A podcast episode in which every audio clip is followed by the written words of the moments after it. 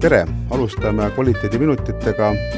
stuudios, Postimehe stuudios on Eve Rohtla, kuuskümmend pluss toimetaja, Aimar Altosaar, Postimehe Meie Eesti toimetaja.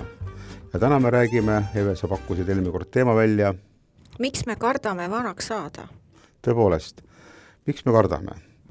selles mõttes on ju väga oluline küsimus, me kõik tõenäoliselt saame vanaks, kui me just noorelt ei sure, et miks me seda kardame, mis noh, nagunii tuleb ja tegelikult on ju see ju veel õige hea stsenaarium, sest et nagu ma ütlesin, alternatiiviks, et me ei saa vanaks mm. -hmm. et me sureme noorelt ja, ja, ja kas see siis on hea või halb, et, et kui mina olen selle peale mõelnud, selle vanaduse peale ja, ja ühiskonna peale, kus siis vanad inimesed elavad, siis, siis uurijad on ju seda, seda demograafilist situatsiooni eh, läbi ja lõhki hekseldanud ja võrrelnud Eesti demograafilist situatsiooni teiste Euroopa riikides toimuvaga, teistes Euroopa riikides toimuvaga ja siis on ikka ju väljagi tulnud, et et vanu inimesi elab keskeltläbi Eestis eh, sama palju või, või on vanu inimesi sama palju kui teistes Euroopa riikides. ainult et meie inimeste eluiga on palju lühem kui mujal, kuigi see vist on nüüd ka pöördumas kõver on pöördumas üles, sest meie meditsiiniabi on järjest tõhusam ja, ja peale kasvab või, või tähendab, juurde tuleb neid pensioniealisi, kelle elu vast ei ole olnud nii markantselt keeruline. Meie vanavanemate elu ja nad ei ole pidanud niisuguseid košmaare läbi elama, et, et kas sinul on olemas mingid uuemad uuringuandmed? ma olen vaadanud, jälginud, kuidas jaotatakse inimese elu, kuidas periodiseeritakse, et äh, üsna äh, tavaliselt on ju tõesti periodiseeritud, et noh, no kuni kakskümmend, kakskümmend viis on siis noor, kakskümmend viis kuni kolmkümmend ja kusagil kuni nelikümmend viis, viiskümmend on siis keskealine, siis viiskümmend juba algab juba niisugune eelvanadus ja kuuekümne viie aasta aastane vana. umbes niimoodi on üsna, üsna pikka aega jagatud. aga no viimasel ajal on näha, et see periodiseering kuidagi ei päde. Ja mulle väga meeldib üks Facebookis jagatud äh, periodiseering, mida ma olen edasi jaganud, äh, kus äh, märgitakse, et kusagil kahekümnenda eluaastane inimene on alaealine kahekümnendast kuni kuuekümne viiendani on inimene noor. kuuekümne viiendast kuni kaheksakümnendani on ta keskealine ja siis pärast keskiga on ta seenior ja üle saja, siis ta on juba vanem seenior, noh, umbes niimoodi jagatud. võib-olla on see nüüd natukene ajast ette mindud, aga kui me praegu vabatud silmadega ringi vaatame, siis tõepoolest eh, inimesed töötavad praegu, kes, kes on nii-öelda oma töövormi alles hoidnud ikkagi väga kaua. on ikkagi kuuekümne viie, seitsmekümne aastased tööinimesed pole ammu enam mingi nime, aga ka üle seitsme, üle kaheksakümne aastased inimesed käivad tööl ja Ameerika, mis on väga pragmaatiline ühiskond,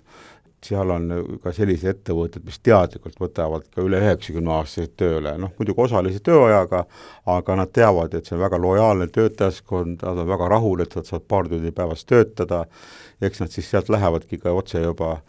kuhugi sinna, kuhu me kõik lõpuks läheme, aga, aga mitte ei jää inimene kõrvale elust. et sinna suunas me nagu liigume, et et, et selline periodiseering juba ise võiks olla kaasaegsem, see võtab ka kindlasti hirme maha muidugi Eesti puhul räägitakse ju sellest, et vanemaealine inimene või pensionieas inimene ei käi sellepärast tööl, et ta tahab seal kangesti käia, vaid sellepärast, et ta ei saa oma eluga muidu hakkama, sest et iga, iga kuu palk pensionile lisaks annab talle võimalusi käia, olla, eriti kui ta on selline liikuvam ja, ja, ja tema eluväärtused on veidi teised, kui lihtsalt kodus olla ja, ja sokki kududa, kuigi ma arvan, et ka see on väga tähtis, neid on ju ka vaja. aga see ongi just seesama põhjus, et meil ei, meil ei ole piisavat sissetulekut, et, et üks põhjus, miks just meil on väga kõrge tööhõive pensionäridest mm, elanikkonna seas, on see, et, et me ei saa muidu hakkama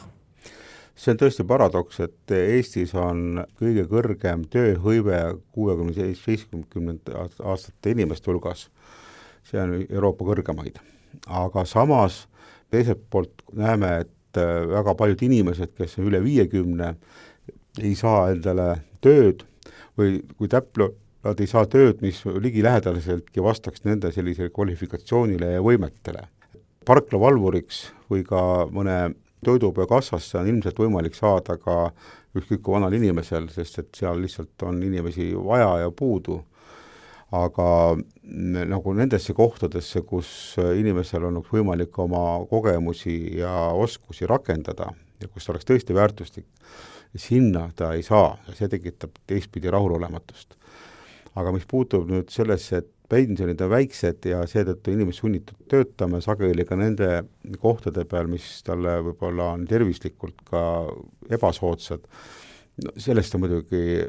sellest on muidugi kahju, et see nii on siin, siin on, peab ütlema, et me oleme ikkagi veel natukene maha jäänud oma arengutes, et meil on veel isegi päris palju oleme. jah, et, et, et see, et inimesed tõesti üle kuuekümne viie aastased inimesed peavad töötama sellist rasket tööd, et selleks, et natukene elustandardit hoida, see ei ole kindlasti normaalne. ma arvan, et vot sellest me peame kindlasti üle saama, edasi minema.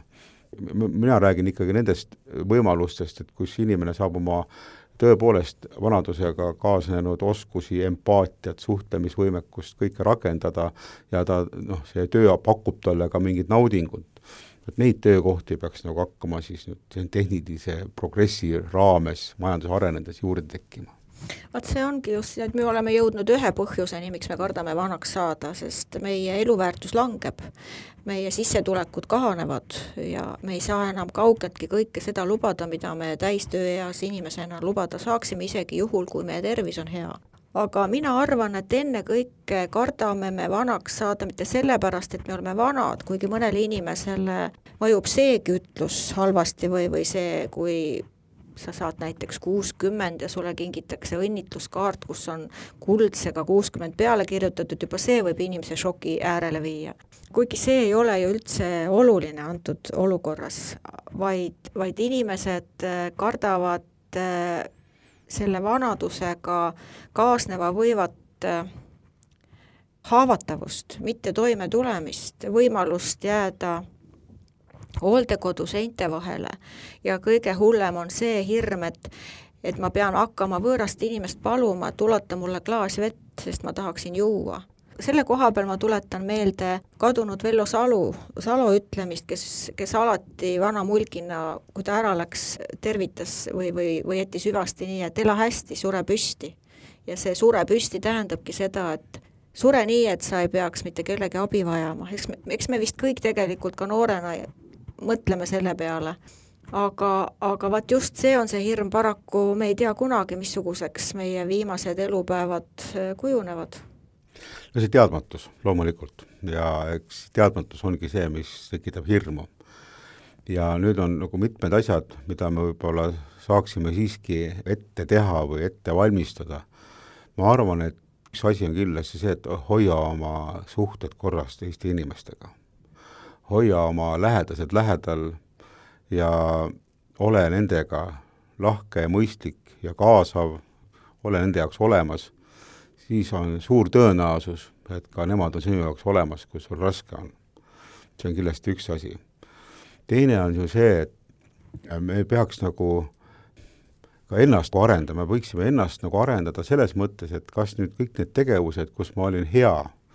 nooremas peas, kas need on mõistlik, kui ma olen ka juba vanem ja mul jäsemed ei liigu nii kiiresti, kas mul mõni, mõni on võib-olla väga niisugune äge motosportlane näiteks, noh kas ma seitsme-kaheksakümneselt tahan ikka väga ringi rallida, võib-olla mul peaks mingi muid tegevusi olema, et need, kes on harjunud väga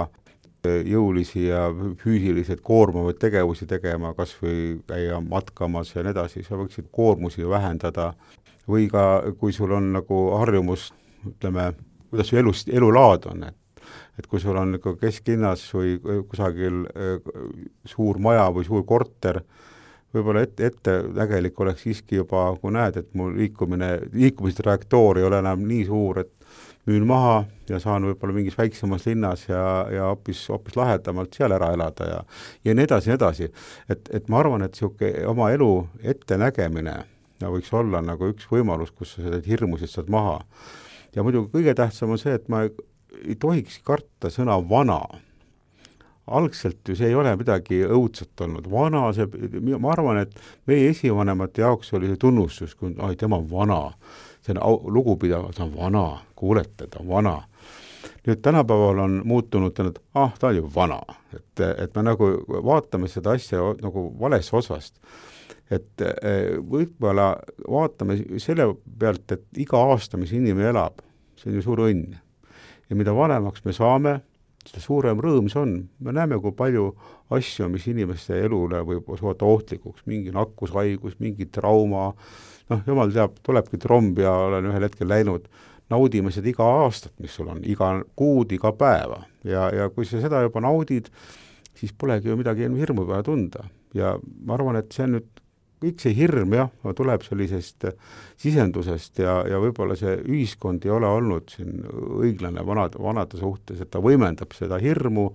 ja võimendab võib-olla selliste nooremate inimeste eh, nagu hoolimatust, hedonismi, mis on kindlasti ühel etapil meil kõigil olemas.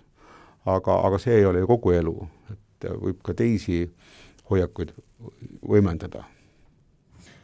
see on üks väga hea teema, kas vana inimene on ühiskonnale koormaks, aga võib-olla me räägime sellest järgmises saates